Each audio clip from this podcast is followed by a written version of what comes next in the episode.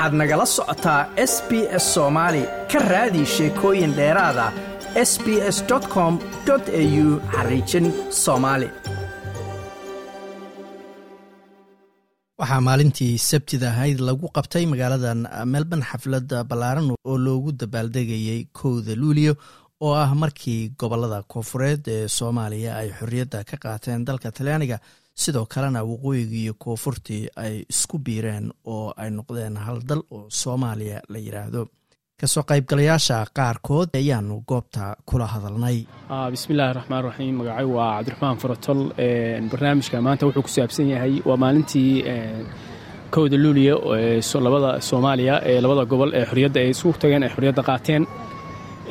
Horta marka koowaad waxaan hambalyo u diraya ummadda soomaaliyeed. Meel kasta ay joogaan waxaan leeyahay hambalyo hambalyo hambalyo barnaamijkana wuxuu ku saabsan yahay hambalyeynta kowda luuliyo ee soomaaliya oo halkan la isugu yidhi jaaliyadda australia ee communitiga soomaalida. Marka halkan waxaan ka diraynaa hambalyo aad iyo aad waan u dirayaa marka guulaysta soomaaliya meel walba aad joogtaan insha allah guul baan leeyahay. Magacayga waxaa leedahay cabdimahad muuse oo reer melbourne ah. Marka horeysa bulshada soomaaliyeed oo xasan ku xiran barnaamijkiisa waa idin wada salaamaya. Aad baadna u mahadsantihiin intaas waxaa ii soo raaca. Caawa waxaanu dabaaldegaynaa xafladdii brima luuliyo ama kowda luuliyo la yidhaahdo oo aad noogu weyn soomaali haddaan nahay oo soomaali meel kastoo ay joogtaba ku qiimo badan. Ilaah xataa muu ahaado midka etoobiya ku nool midka kenya ku nool midka jabuuti ku nool waa qiimeeyaa kowda luuliyo iyo inta udhexaysaba marka maalintaas ayada ah weeye waxaan inta u joognaa waxaa waaye waa maalin inaan wada qiimayno meel kastoo aan joogno ay tahay. Waana ku faraxsannahay inaan caawa u dabaaldegayno waa gartay dad badan baa meesha ka hadlay khudbooyin badan baa laga jeediyey. Waxyaalaha soomaaliya ka khaldama iyo waxyaalaha ka khaldan baa laga sheegay. Maxaa kuugu weynaa laga hadlay? Maxaad adigu soo isleedaha soomaaliya waa ka khaldam? Anigu fikraddaas waxaan ka dhiibanayaa soomaaliya waxyaalo badanoo qaldan waa jiraan waxyaalo badanoo hagaagsanna waa jiraan. Marka waxaan jeclahay wax walba inaan ka fiirsho dhinaca hadalka suuban oo wixii qaldan aan ka leexdo laakiin mid baa igu adag inaan ka aamuso. Middaas waa af soomaaliga. Innaku qowmiyad waxaan ku nahay soomaali haddaan nahay waa afka soomaaliga. Haddii af soomaaligu baaba'o ummadaha kale waxba ogama duwanin. Dad noo eg baa jira dad nagu diinahaa jira wax baa jira. Laakiin waxa annaka noo gaarka ah waa afka soomaaliga. Haddaba afka soomaaligii maanta wuxuu ku jiraa iriibu ku jiraa waa sii baaba'aya. Yaan la eedayn dadka qurbaha jooga keliya dadka waddanka gudihiisa jooga oo laga yaabo inayn soomaaliya weligood ka bixin. Baad waxaad arkaysaa ayagoo hadlaya shantii erayoo ay dhahaan in laba ama saddex ay tahay erey ajnabi ah. Baad arkaysaa. Marka dadkii qurbaha jooga marka xaggee joogaan marka xaggee joogaan markii dadkii joogay waxaad arkaysaa nimankii madaxdii oo khudbaynaya oo dadkii u khudbaynaya oo hadalladoodii ay kelmado ajnabiga ka wada buuxaan. Waxaad arkaysaa warbaahintii. Warbaahin lagu dhihi maayo waxaa lagu leeyahay saxaafaddaa lagu leeyahay. Saxaafadda waa kelmad carabi ah. Warbaahinta weeye af soomaaliga saxda ah. Marka nimanka warbaahintu haddii la yidhahdo warbaahin yadaan xoogaa waxay u maleen inay hoos isu dhigeen oo saxaafaddaa la qurux badan. Marka in maaragtay dadku markay hadlayaan af soomaaliga ereyga soomaaliga la adeegsado weeye waxaanu annaku dadkeenna waaweyn ku badbaadin karnaa af soomaaliga. Markaas kabacdi dhallinyaradeenii dadkeennii waa nagu dayan karaa waa nagu dayan karaa marka anigu intaasaan u arkaa in madaxda iyo baarlamentarian dadka baarlamanka ku jira anigu baarlamanka xataa kelmadda ma isticmaalo. Golaha golahaan irahdaa golaha xildhibaanada irahdaa kelmadda baarlaman waa kelmad ajnabi ah. Golaha xildhibaanada waaye. Moogtahay senatarada meesha la leeyahay waa golaha guurtida. Golaha guurtida waaye. Moogtahay marka in af soomaaliga aynu isticmaalno oo ku dhiganano anigu saasaanu arkaa aanu ku badbaadin karnaa. Marka dhallinyaradeenima aan gudbin karnaa. Ugu dambaynta markii jaaliyadeenna halkan joogta arrimahaasee wax looga qaban karaa sidii afka uu sii jiro? Waxa wax looga qaban karaa waxaa waaye guriga in af soomaali lagu hadlo oo hooyada iyo aabbuhu guriga ay yidhaahdaan gurigan af soomaali baa looga hadlayaa. Asalaamu calaykum waraxmatullaahi tacaala wabarakaatuhu magacaygu waa diftaax yaasiin salal kuna magac dheer ciiro salal ahna ka midna ah jaaliyadda ku nool waddankan australia gaar ahaan magaaladani melbourne ee gobolka victoria. Run ahaantii waxaan aad ugu mahadnaqahayaa ama aan u yeeshay nasiib inaan ka soo qayb galo sanad guuradii maalintii xorriyaddii soomaaliya la aasaasay gii kuma aanan barbaarin dowlad soomaaliyeed iyo dal soomaaliyeed oo dhisan laakiin waxaan ku barbaaray dal dhibtiisu iyo colaadiisu ay aad u burburiyeen aadna u saameeyeen ummadda soomaaliyeed. Balse alxamdulilaahi rabbialcaalamiin maanta waxaynu maraynaa marxaladdii aynu ku dhalannay marxalad ka duwan kana rajo fiican. Run ahaantii waxaan dhihi karaa ummadda soomaaliyeed waxa ay u baahan yihiin keliya iyagoo tafaha isqabsado rabbina talada saarto inta dhimanna in waxa weeye ilaahay la hoosgalaan uma baahno soomaaliya colaad iyo qabiil waayo colaad iyo qabiil waynu ka soo daalnay waynu ku soo burburnay. Dhasha annagu aynu dhalnay baa maanta waxa weeye waddan burbusho u dhashay. Annagaa ku soo dhalannay waxaan leeyahay ummadda soomaaliyeed war tafaha isqabsada. War dalka waynu wada jecelnahay waana naga wada dhexeeyaa dhulku waana wada deeqaa aynu garbaha isqabsanno. Ummadda soomaaliyeedna waxaan dhihi lahaa taariikhdiinnu way ka fog tahay gii raadiya taariikhdii soomaaliyeed.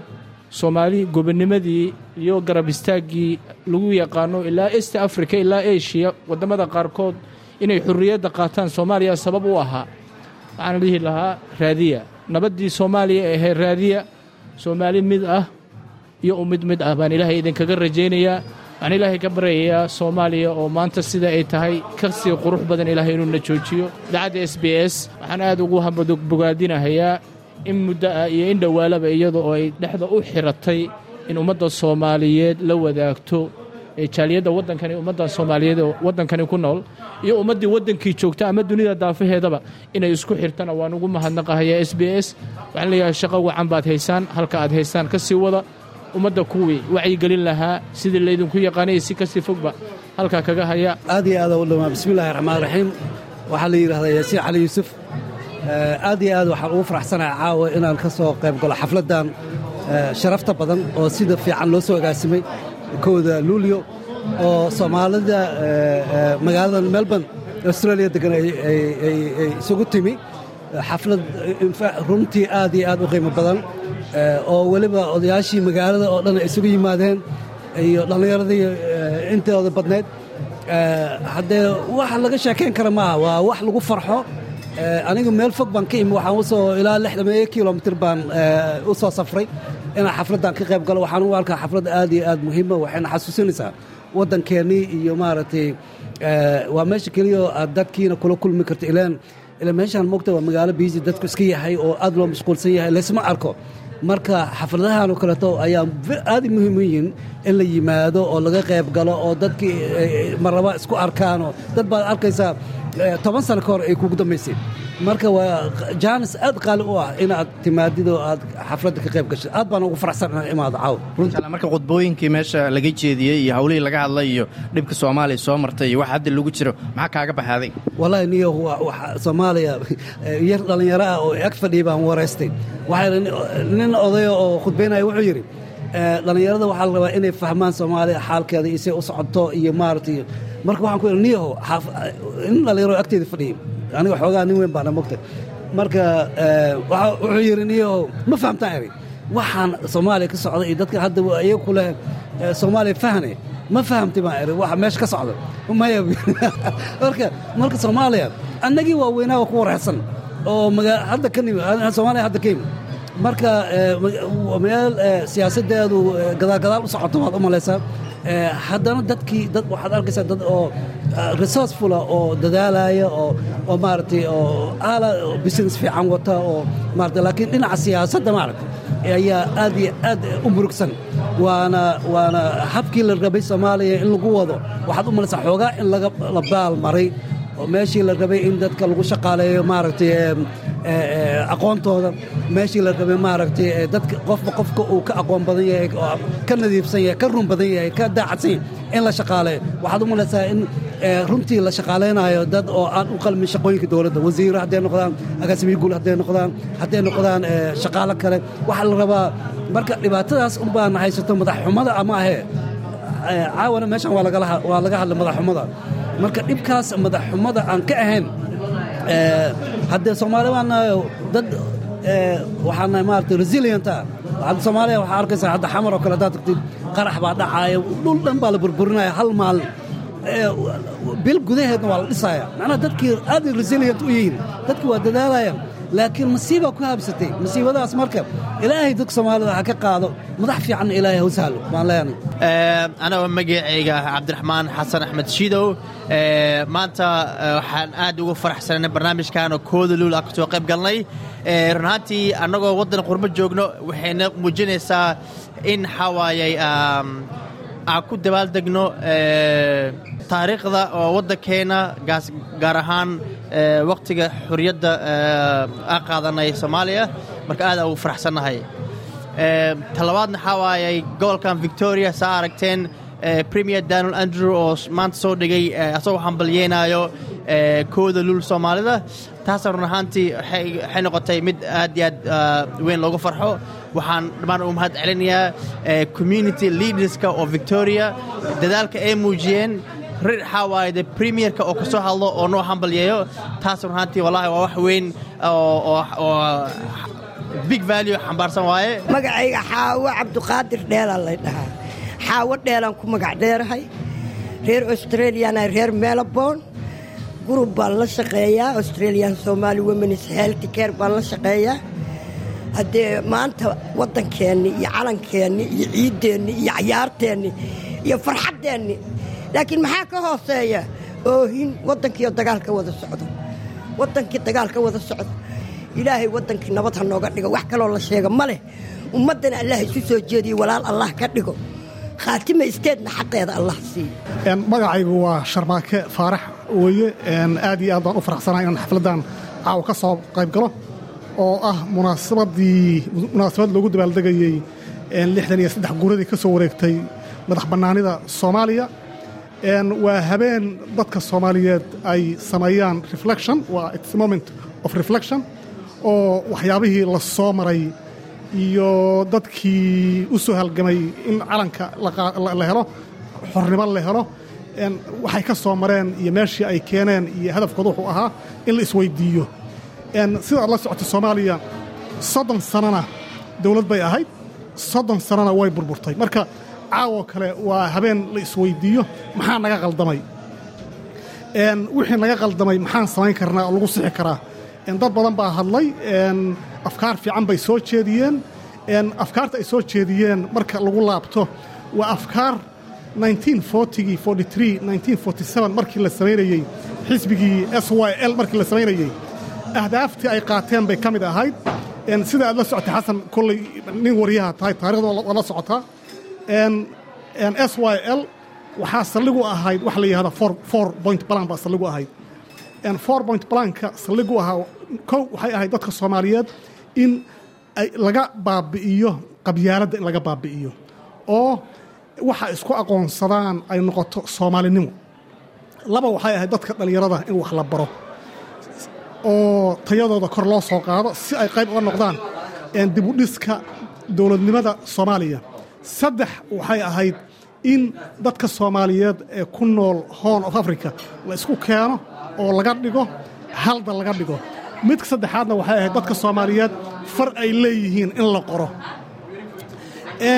Sida aad la socotid macnaha qaar ka mid ah ahdaaftii saldhigu ahayd xisbigii s y l ee gobonimo doonka ahaa qaar ka mida waa la gaaray qaar ka midana lama gaarin.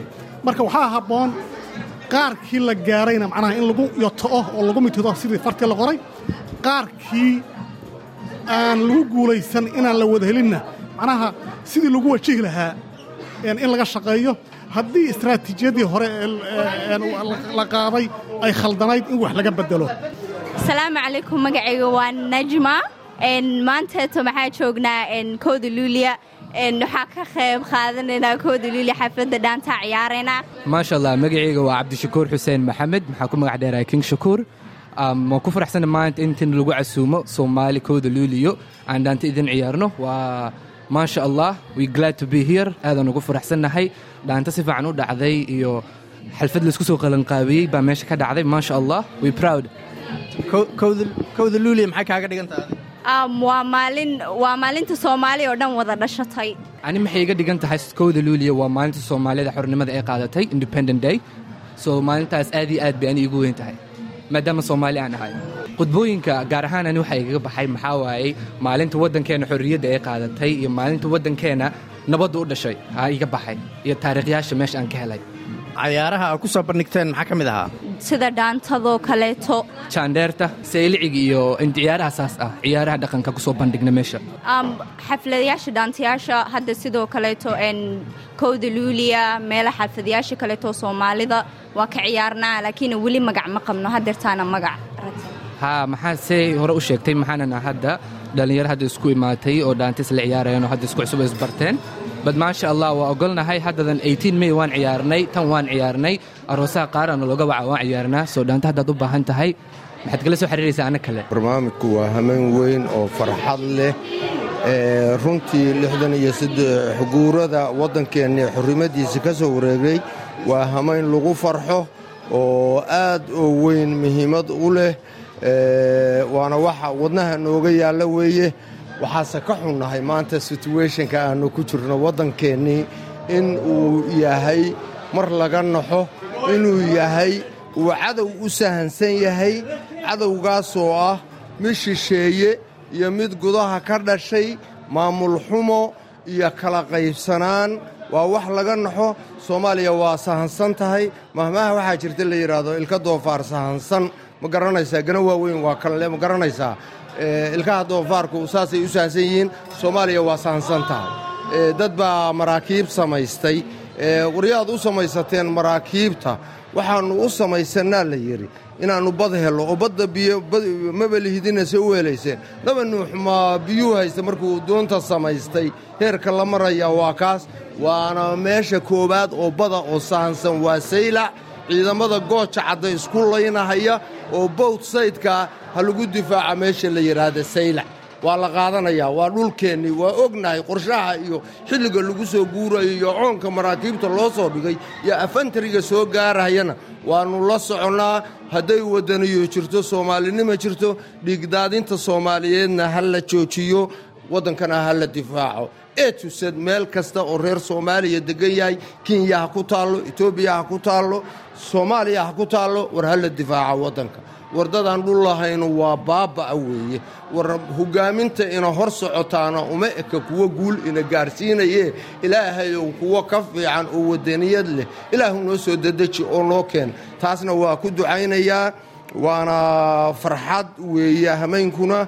Inaan hamayn farxadeed aan intaa ku soo darana waan ka xumahay maxaa yeelay khataraan ogahayna ma qarsan karo ma garanaysaa oo taas weeye war ishu waxaysan qaban baan qun ugu jeedaa yaa ishu waxaysan qaban yaan qun ugu jeedaa waana waddanku inuu sidaas yahay qofka kansarka ku dhaco oo lukeeniyadu ku dhacdo meel jirkiisa ka mid oo aan kansar ku jirin ma jirto. War cadowgeennii lukeeniyuu noqday. War cadowgeennii lukeeniyuu noqday. Lukeeniyada ha laga baxo. War iswaansada war dalka difaacda waana idiin hambalyaynayaa dibad iyo daakhil meeshaa joogtaan. Assalaamu calaykum waraxmatullahi wabarakaatu. Like aas la wadaag wax ka dheh lana soco barta facebooka ee sb s